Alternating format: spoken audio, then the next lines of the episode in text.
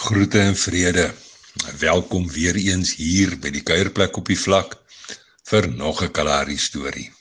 My naam is Haie Kronje en ek in die mooiste mooi woon, werk en kerk hier aan die Kalahari kant van die land. Eh, vanmiddag lees ons in die 53 Afrikaanse vertaling hier by die kuierplek op die vlak die bekende 22ste en 23ste versies van Klagliedere 3. En daar staan onder meer geskrywe: En dit is die goedendede van die Here en dat ons nie omgekom het nie. Want sy barmhartighede het geen einde nie. Hulle is elke môre nuut. U trou is groot. Vanmiddag se storie se naam: Onverdiende goedheid. Die meeste mense op die winkeltjie se blink stoep, dis nou die wat van einde en verre afkom, is vandag behoorlik gedas en gejas in hulle heilige sabbatsklere. Ons sien vandag is die 7de van die maand en in ons wêreld is die 7de van die maand sekerlik die belangrikste dag van die maand. Dit is die dag waarop verniet geld vir diegene wat kwalifiseer uitbetaal word. 'n Bedrag wat die staat volgens 'n bepaalde formule bereken en dan uitbetaal. Op hierdie dag hierdie verniet gelddag kom ons 'n deel van die Kalahariese mense bymekaar om te koop en te ruil en selfs te verkoop. Natuurlik moet die las van die winkeltjie se skuldboek ook ligter gemaak word. Alhoewel dit spreekwoordelik 'n saak van 'n amperse onmoontlikheid is. Alles gaan egter nie net oor die spandering van die verniet geld nie.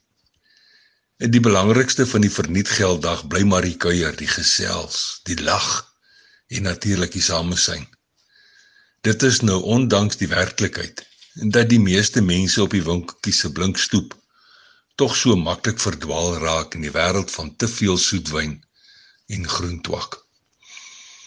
Nou soos dit ek in die mooiste mooi al van vroegdag af op die houtbankie onder die groot besopersboom langs ons kantoor.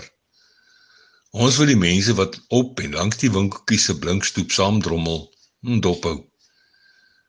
Daar word gelag en geskree, gesels, geskel. En dit alles terwyl 'n onaardige mengsel van deurmekaar klanke wyd oor die vlak heen waai. En dit wil kompleet voorkom, asof almal gelyktydig met almal praat. Ou van wat voor laaste maand as ouderling aangewys is, loop statig en vroom en praat met 'n sterk stem. Deesdae vat hy sy verantwoordelikhede baie ernstig op. En nou loop hy met sy gemeente se kerkboekie rond om tiendes en dankoffers te probeer inkry. En Basjan daarenteen het nog gister en eergister se werksklere aan en trippel ongeduldig voor die wynwinkel se groen deur rond. Dit is dieselfde wynwinkel wat rondom dik brom brom skel omrede die pryse hoek as dit alweer op is. Die uitdrukking op klein koos en sy neef aan pa goed se kant Jan Doring is redelik ernstig. Hoopelik gesels hulle oor toekoes. Dis nou klein Koos se suster wat aan die begin van die week met die ambulans hospitaal toe gevat is. 'n Vroorse onaardige mengsel van deurmekaar klanke weer klink skielik harder oor die vlak. Toe 'n grondeienaar met Swartkopdam se mense agterop in 'n wit val stofwolk langs die winkelstoep stop. En Dawie doen gewoonlik Swartkopdam se aanry maar sy geroeste Hilux wat hy die vorige eeu dateer, het 'n maand of wat gelede finaal die gees gegee. Een vir een klim die swartkopdammers van die voertuig af om dadelik deel te raak van die meernies van bedrywighede. Oral oor is klein groepies mense en almal is besig om te doen wat vir hulle belangrik is. Die meeste gaan egter hulle verniet geld spandeer wat sonder voorwaarde weggegee is. Almal almal behalwe Trina en Johannetjie. En dis nou haar jonger suster wat verlede jaar die skool met die geboorte van haar tweede voorkind gelos het. En wyslik staan hulle so half eenkant weg van die geroese moes af. Elkeen met 'n baba op die heup. En veilige in beide se vleisbeursies is hierdie maand se verniet geld weggebere. Met eens blink Trina se spierwit glimlag helder in die oggendson. Miskien wonder ek En miskien is Trina stilweg besig om ons Skepper God se naam groot te maak omrede hy 'n paar aande gelede vir kleinsus Johannetjie onverdiende goedheid gegee het.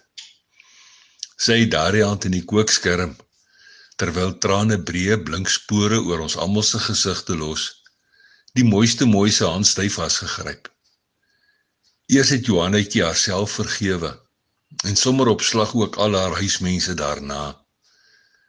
Sy het haar gesin sonder enige voorwaarde met 'n ankerpaal besluit vergewe.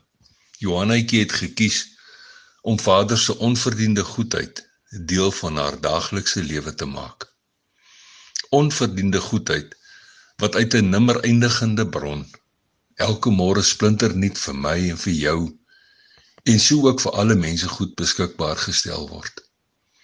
Geen wonder dat Paulus diegene wat in Christus Jesus glo aanmoedig om ons Skepper God te prys omrede onverdiende goedheid deur sy kerelkind vrylik aan ons gegee is.